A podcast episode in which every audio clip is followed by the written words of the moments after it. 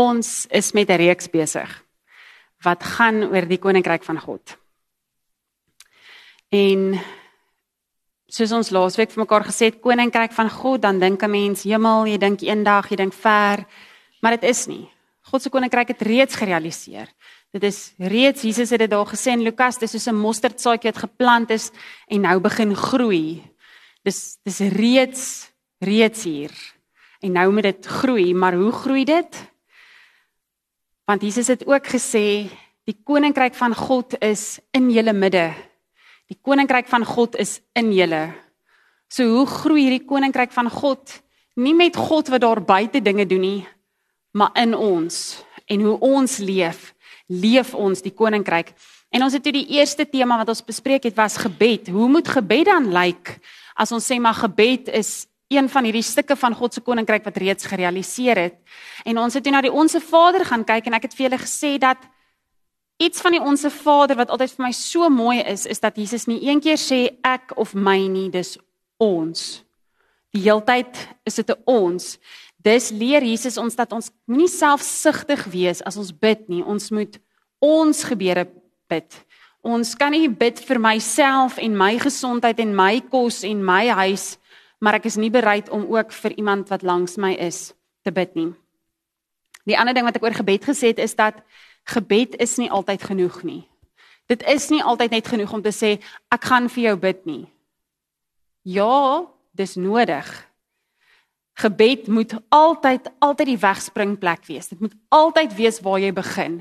Jy moet altyd begin om eers met die Here te praat oor alles in jou lewe. Maar dit is nie altyd net genoeg om te sê ek bid vir jou nie. En vandag kom ons dan nou by die volgende ene. Die tweede een is prioriteite. Ooh, daai is 'n lekker een om oor te praat. Want ons is baie keer geneig om maklik te sê, ooh, daai persoon se prioriteite is net nie reg nie. Hulle prioriteite is verkeerd. Of oor jouself te praat en te sê, maar hoe lyk my prioriteite? Wat is vir my belangrik? En nou is dit maklik. Dis maklik om uit te vind wat julle prioriteite is. Ek vra net vir julle, waaraan spandeer jy op 'n dag die meeste tyd? Wat op 'n dag gebruik die meeste breinkrag, grysstof? Waaraan dink jy die meeste? Want outomaties is dit dan die goed wat vir jou die belangrikste is. Dit is die goed wat die meeste prioriteit in jou lewe het. Nou baie keer sal ons met mekaar praat en dan sal ek sê ja, maar hierdie ding is nie eintlik vir my so belangrik nie. Hierdie is my prioriteite, maar as ek na my dag gaan kyk, na dit waarna ek gedink het, dit wat die meeste van my tyd opgevat het, dan is daar 'n klomp dinge waarna ek tyd spandeer het, maar op die ou ende nie regtig dit wat volgens my die belangrikste is nie. Maar ek kan nou oor prioriteite praat vandag en ek kan jou laat skuldig voel oor jy nie genoeg in die kerk kom nie of nie genoeg Bybel lees nie of nie genoeg by jou gesin is nie, te veel werk of wat ook al. Maar dis nie eintlik wat ek wil doen as ek oor prioriteite praat vandag nie. Ons moet praat oor oor hoe lyk jou prioriteite en is dit reg? En ek wil vir julle 'n storie vertel wat dit so bietjie illustreer. Dis 'n ware verhaal. Sir John Franklin het op 1845, ek is nie baie lief vir geskiedenis nie, maar ek het baie geskiedenis nagevors vir hierdie preek, hoor. Hy het in 1845 twee bote gevat op aandrang van iemand anders. Ek kan nie onthou wie nie. Ehm um, die Erebus en die Terror was die twee bote. Ek kan nie presies onthou hoeveel manskappe daarop was nie, maar dit was ver oor die 200 manskappe tussen die twee bote en hulle moes die noordelike deurgangroete deur die Arktiese See moes hulle ontdek. Dit was 'n ontdekkingsreis. Hulle moes dit gaan kaart. Die plan was dat dit 'n 2 tot 3 jaar roete sou wees. So na 3 jaar sou hulle terugkom en hulle sou mooi die kaart kon uitlê. Dit is nou wat ons gevind het. Na 2 jaar toe sy vrou Jane niks van hom hoor nie, toe begin sy briewe skryf. En daar kom niks, hulle kom ongelees terug na haar toe. En toe begin hulle hulle soek.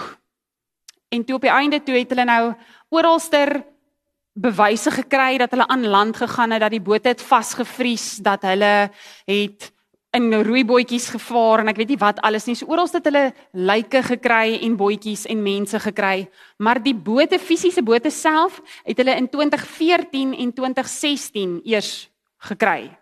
Nee, dis nogal soos baie baie jare later. Maar okay, die interessant van hierdie verhaal is die prioriteite. Hulle het op hierdie boot gegaan vir 2 tot 3 jaar met 2 weke se steenkool. Want dit was 'n seilboot, maar hy het ook steenkool gehad dat hy met stoom aangedrewe kon wees as hulle nou deur die ys moet breek. Maar hulle het net vir 2 weke steenkool gepak want daar was nie plek op die boot nie. Want elke boot het 'n biblioteek gehad van 1200 boeke. Hulle het van die beste eetgery, borde, messe, virke gevat, van die beste linne wat hulle kon vat. Hulle het verskriklik baie kos gevat. Maar hulle het nie genoeg steenkool gevat nie. Hulle het ook nie vir hulle warm klere gevat nie. Hulle het net met hulle standaard Britse weermag navy klere het hulle gegaan. So die meeste ouens wat dood is, is as gevolg van verkleiming. Want hulle het nie genoeg brandstof gehad nie en nie genoeg warm klere nie. Maar ten minste sou hulle lekker partytjie gehou het want daar was genoeg kos en hulle sou fancy partytjie gehou het, mooi tafels gedek het en hulle sou daarom kon lees. Hulle sou geëntertain gewees het, hulle sou kon lees. Verstaan julle hoe soos as 'n mens dit lees dan kan jy nie dink en ek beloof julle ek het die storie toevallig iewers gelees toe dink ek nee nee hierdie is daar 'n bietjie far-fetched. En dis toe wat ek nou gaan Google. Gaan lees ek vir tannie Google en toe is dit regtig. Dit is regtig wat gebeur het. Dit breek my brein so bietjie, maar dit is wat gebeur het. Needless to say was dit 'n totale flop. Die om hulle te kry op die ou einde, die die teruggaan die wat noem mense dit? Julle sien net maar daar's my woordeskat nog som op. Maar daai om hulle op te spoor om die bote te soek het op die ou ende baie meer bygedra tot die kaartwerk van daai tyd. Want toe het hulle nou die mense ontdek en ontdek briefies wat hulle geskryf het en goeters en boodskappe wat hulle gestuur het en so en met om hulle te kry weer het hulle die daai wêreld ontdek en nie met hierdie ontdekkingsreis wat hulle gevat het nie. Want hulle prioriteite was so bietjie nie reg nie. So sien dit is nogals die probleem met as jou prioriteite nie reg is nie. Dit kan lei tot jou dood in hierdie geval of ten minste dan tot 'n onvervulde lewe dat jy vol bekommernisse is en seker maak dat al hierdie dinge lekker reg is en op plek is, maar dat jy op die ou einde nie dit geniet waarmee jy besig is nie. Of dat jy nie dit wat regtig belangrik is op fokus nie. Ek het dit het my nou dink aan iets anders. Ek het gister 'n fliek gekyk wat gaan wat die die ou praat toe oor wat dit is om 'n toerist te wees en 'n traveler en hy sê toe 'n toerist is geworried oor al die goeders wat hulle moet doen, al die dinge wat hulle moet sien waar die traveler ervaar die omgewing.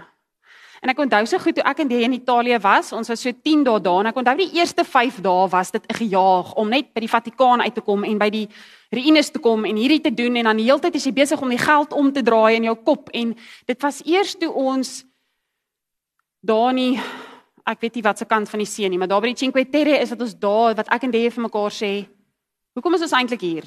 Om te jaag en al die goed te sien? Nee, ons wil dit ervaar. Ons wil nie wegstap met dit was lekker en ons het die kultuur ervaar en nie net ge-worry oor die geld en oor die waar ons moet wees wanneer ons daar moet wees nie. OK. Maar ons leer nou in die geskiedenisboeke dat bekommernisse en die uitsort van nuttelose dinge soos fancy eetgery en genoeg kos is seker nie so onbelangrik nie. Maar dat dit dit so bietjie jou lewe kan verwoes. Maar kom ons kyk wat sê Jesus. Ons gaan lees Matteus 6 vers 25. Dis nou verder. Ons het laasweek aan die begin van Matteus 6 gelees die die onsse Vader en nou gaan ons aan met dit. Dis Jesus se bergpredikasie. Julle kan julle Bybels daar oopmaak.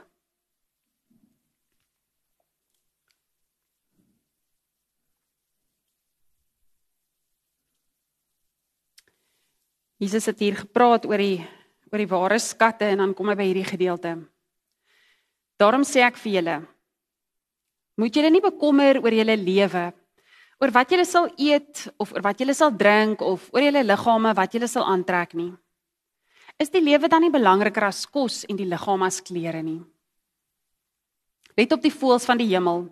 Hulle saai nie en hulle maai nie en hulle versamel niks in skure nie. Tog sorg julle hemelse Vader vir hulle is julle nie meer werd as hulle nie? Wie van julle kan deur om te bekommer 1 el by sy lewe voeg? En waarom is julle oor klere bekommerd? Let op die wilde narsings, hoe hulle groei. Hulle swoeg nie en hulle spin nie. Maar ek sê vir julle, selfs Salomo in al sy pragt was nie soos een van hulle geklee nie. As God die gras van die veld wat vandag daar staan en môre in 'n oond gegooi word, so klee, hoeveel te meer nie vir julle nie, klein gelowiges? Moet julle daarom nie bekommer en vra, wat sal ons eet of wat sal ons drink of wat sal ons aantrek nie? Dit is immers alles dinge waarna die heidene nasies soek. Julle hemelse Vader weet tog wat julle alles nodig het. Dan die belangrike vers 33. Maar soek eers die koninkryk van God en sy geregtigheid en al hierdie dinge sal vir julle bygevoeg word. Moet julle dus nie bekommerd oor die dag van môre nie want môre sal hom oor homself bekommer. Elke dag het genoeg van sy eie kwaad.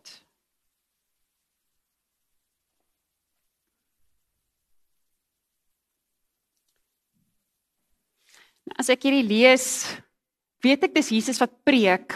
Ek weet dit is 'n preek amper soos wat ek nou hier vanoggend doen, maar aan die ander kant as ek dit lees, wil ek tog eerder Jesus imagine as 'n liefdevolle redder wat my vriend is wat vir my vra maar hoekom is jy so angstig oor al hierdie goed?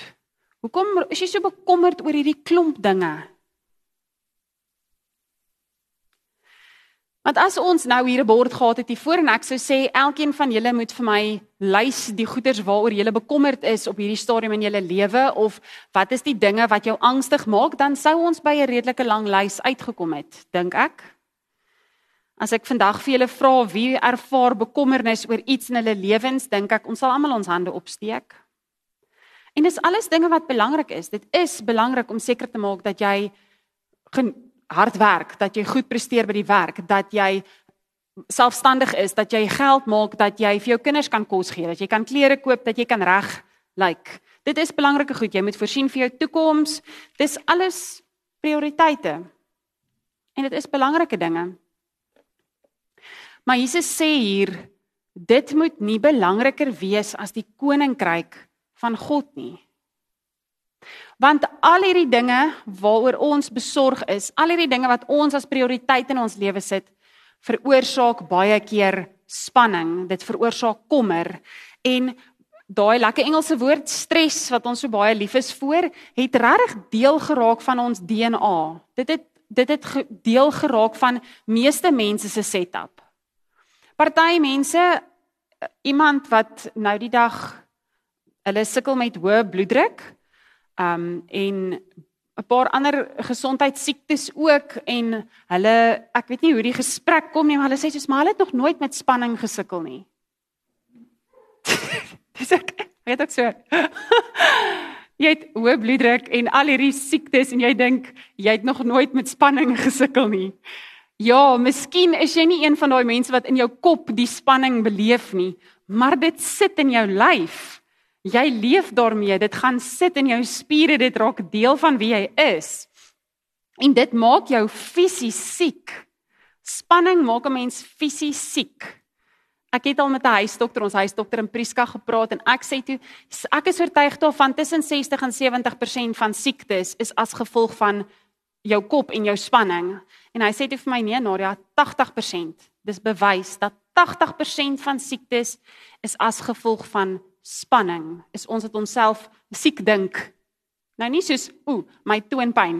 Ek het die week waterpokkies gehad. Ek het laasweek Sondag vir myself gesê, ooh, dit klink lekker. Kom ons hê waterpokkies hierdie week. Ag nee man, wat het ek gehad? Pampoentjies. Ek het pampoentjies gehad. Pampoentjies. Dis kom ons kry pampoentjies. Dit klink dis nie wat ek bedoel nie. Maar hoë bloeddruk, al daai lifestyle siektes is as gevolg van verkeerde leefstyl, maar ook omdat ons soveel spanning beleef. 80% van siektes is as gevolg van stres. Die ander probleem met hierdie prioriteite wat so 'n bietjie skeef is, is dat dit jou kop oorheers. Dit is naderhand alwaaroor jy kan dink. As jy bekommerd is oor geld, dan is dit alwaaroor jy dink is hoe kan ek meer geld maak? Hoe kan ek minder geld uitgee? Hoe gaan ek hierdie gebruik dat ek my budget maak elke maand? So naderhand raak jou brein so bietjie soos 'n sif daar val goed deur en jy vind dat jy nie meer kan onthou nie en dat jy nie meer produktief is nie omdat jy so besig is om hierdie goeters in jou brein te laat hardloop, hierdie spanning in jou lyf te gaan sit. En dan naderhand kom jy agter dat dit 'n negatiewe uitwerking op jou verhoudings het met mense om jou. Want waar die mense wat hier om jou om 'n tafel sit en eet, veronderstel is om belangrik te wees, is jou kop besig om te worry oor wat jy by die werk moet doen. En dan die laaste ding wat wat moeilikheid kry as ons of eintlik is dit een van die eerste goed wat as ons begin angstig raak of begin spanning kry, dan sal ons nog tot die Here bid. Maar hoe meer ons worry, hoe meer bekommerd ons raak oor goeders, hoe meer verloor ons die ability om te vertrou dat God vir ons daar is. Ons belemmer ons vertroue in God. Nou, daar's 'n verskil tussen bekommerd wees oor iets en regtig besorgd wees. Hierdie bekommernis, hierdie worry oor goeders is 'n ding wat jou lam lê. Waar 'n opregte besorgdheid oor iets is, ek doen iets daaromtrent. Ek doen iets daaromtrent. Dit maak my nie siek nie, dit verwoes nie my lewe nie, ek doen iets daaromtrent. Ek sorg dat ek genoeg warm klere op hierdie boottrip vat want ek vermoed dat ons in die Arktiese See gaan ingaan en ons gaan koud kry. So kom ons begin by warm klere, dis dalk belangrik. Nie worry oor jy gaan ons 'n fancy tafel gedek kry nie. Want dit is 'n bekommernis wat nutteloos is, wat niks gaan beteken nie.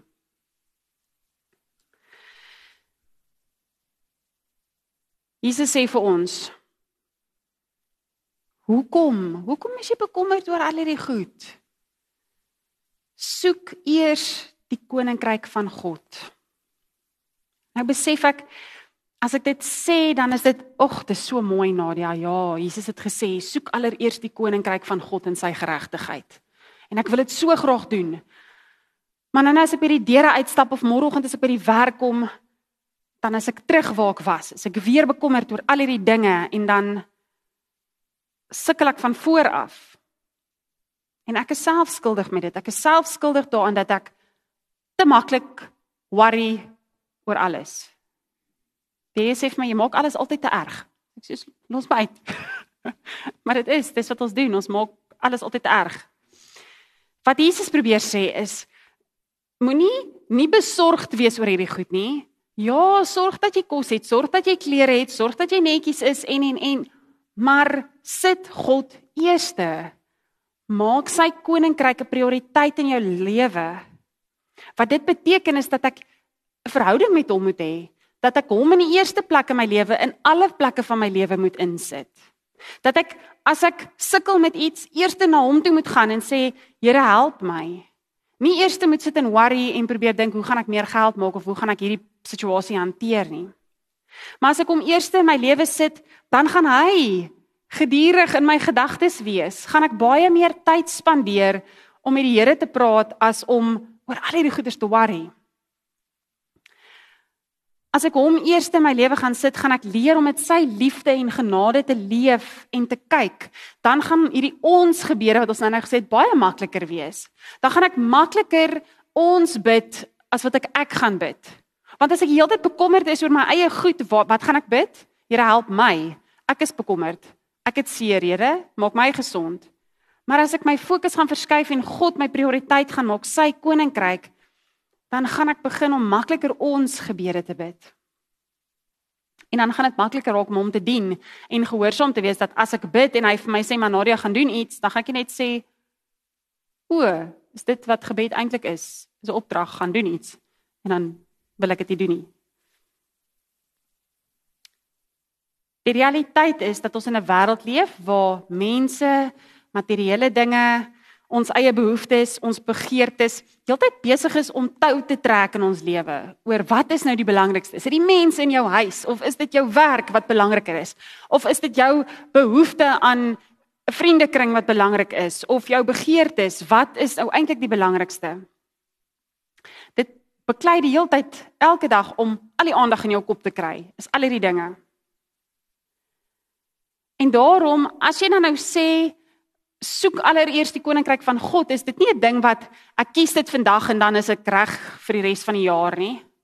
Dit is soos die van julle wat getroud is, dit is elke oggend moet jy opstaan en kies en sê ek kies om weer lief te wees vir hierdie persoon met wie ek getroud is. Dit gebeur nie net van self nie. En dis dieselfde met hierdie as ek kies dat God my prioriteit is, gaan ek dit elke liewe dag moet kies. Nog 'n stukkie geskiedenis. 1836, dis nou so 'n paar jaar voor John Franklin sy ekspedisie gevat het. Was daar 'n man met die naam George Miller in Bristol. Hy was op die ou einde 'n sendeling wat baie kinders in weeshuise versorg het. En julle as julle sy stories lees, ook ek het die geskiedenis stories gaan lees. Daar is ongelooflike stories van getuienis van van wat hy bereik het en hoe hy kinders gehelp het en hoe dit gekom het dat hy hierdie kinderhuise opgerig het en hoe hy maar net altyd daar was, maar net altyd kos en altyd goed vir die kinders. En die mense vra hom toe, maar hoe kry jy dit reg? Hoe kry jy dit reg om hierdie goeders te doen? En toe sê hy: Die eerste ding, my primêre en die grootste belangrike ding wat ek elke dag aan aandag gee, is om seker te maak that my that my soul is happy in the Lord. Dat my siel gelukkig is in die Here. Dit is sy belangrikste prioriteit vir elke dag. Is om seker te maak dat hy sy wese is in vrede in die Here, is gelukkig in die Here. Natuurlik het hy nog steeds duisende kinders gehad waarvoor hy moes kos gee. Sy moes nog steeds op 'n manier daai kos in die hande kry. Hy moes nog steeds sorg dat dit hulle warm is. Maar sy prioriteit was soek allereers die koninkryk van God. Hy wat George Miller is, het nooit gevra vir geld nie. Hy het nie na mense toe gegaan en gevra vir geld nie. Hy het nooit 'n lening eers by die bank aangegaan om sy kinderhuise aan die gang te hou nie. Die een van die stories wat ek gelees het is die aand na al die kinders is nou in die bed en hy was besig om stilte tyd te hou en sy vrou kom by hom en sê ons het nie genoeg melk om môreoggend se oudspap mee te maak nie. Ons het nie genoeg melk nie. En hy sê toe net van maar kom ons bid. Ons bid daaroor. En op die ou end het hy en sy vrou en nog ander mense gebid. En toe hulle so klaar gebid het, toe klop daar iemand aan hulle deur. En toe sit 'n posman wat net 'n koevert aflewer. En in die koevert was daar genoeg geld om melk te koop vir die volgende dag. Dis een van die stories. Wat so baie klink soos pff, ja, whatever. Maar dit is as jy George Miller se storie lees, is dit wat gebeur het. Hoor sy prioriteite. Toe hy tot bekering gekom het, toe het hy al sy boeke verkoop en net die Bybel oorgehou. Het nie sy boot vol boeke gemaak oor hy gedink dit is belangrik nie. Hy het al sy boeke verkoop en net die Bybel oorgehou.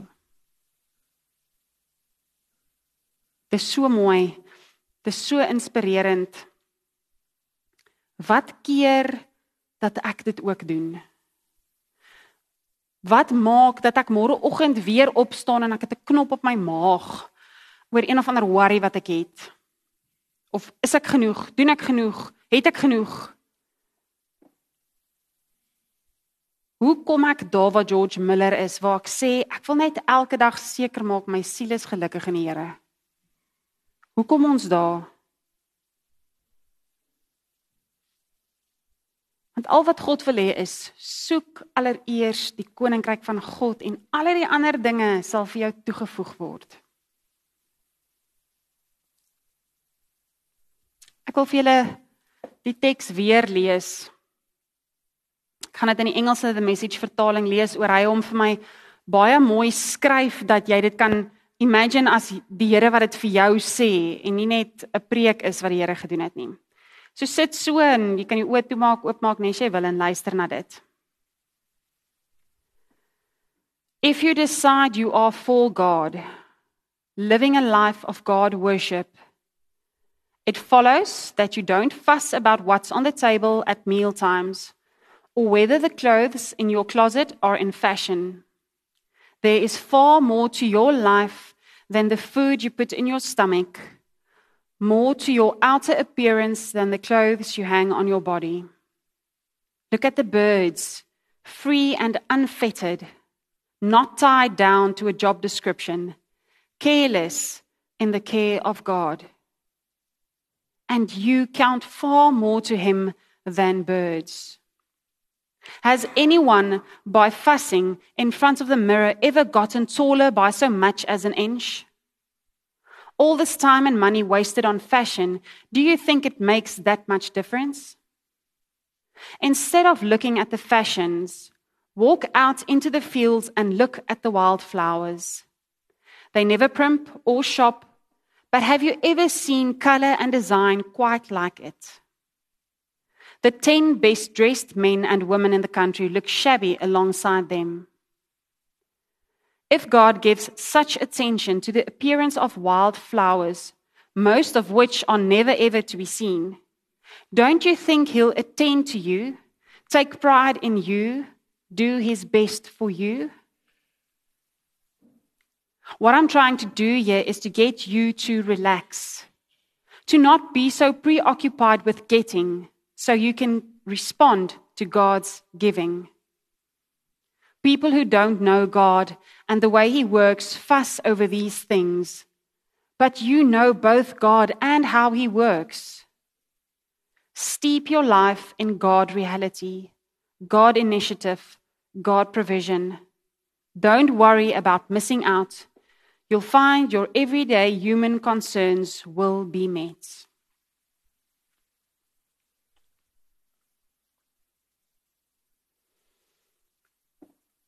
Om God se koninkryk te soek beteken dat ons alles waarin ons so angstig vashou vir hom sal gee. So ons gaan dit nou prakties doen en oefen. Sit so, maak jou oë toe en maak jou hande so stywe vuiste, klou vas, hou vas aan dit. Laat toe dat God jou nou hier ontmoet waar jy besig is om jou grootste bekommernis in jou lewe vas te klou.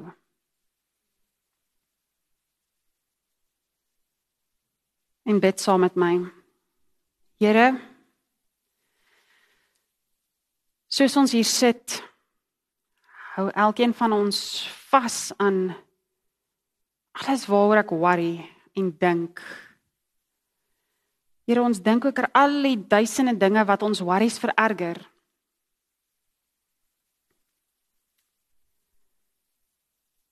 Here, ek besef ek dra te swaar aan 'n klomp goed wat U nie eers vir my gevra het om op te tel nie. U verwag nie van ons om al hierdie dinge reg te doen of reg te kry nie. U wil nie hierdie spanning in ons lewe hê nie.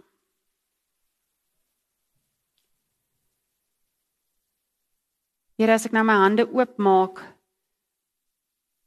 bid ek, help my om dit te laat gaan. Al my bekommernisse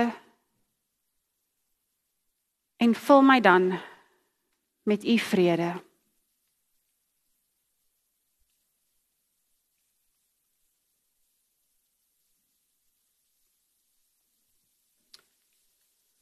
Ons gaan ook nou aangaan met die gewoonte in hierdie 6 weke om ons gebede te bid, om verander te bid So sit so en en bid vir mense wat jy weet in jou lewe met angs of depressie of worry of met stres sukkel. Vat 'n oomblik bid vir hulle dat hulle sal hoop ervaar. Mense wat voel hulle het meer 'n purpose nie, 'n doel op aarde nie. Bid vir hulle. Bid dat hulle hulle plekke van angs en pyn ook in daai plekke God se liefde sal ervaar.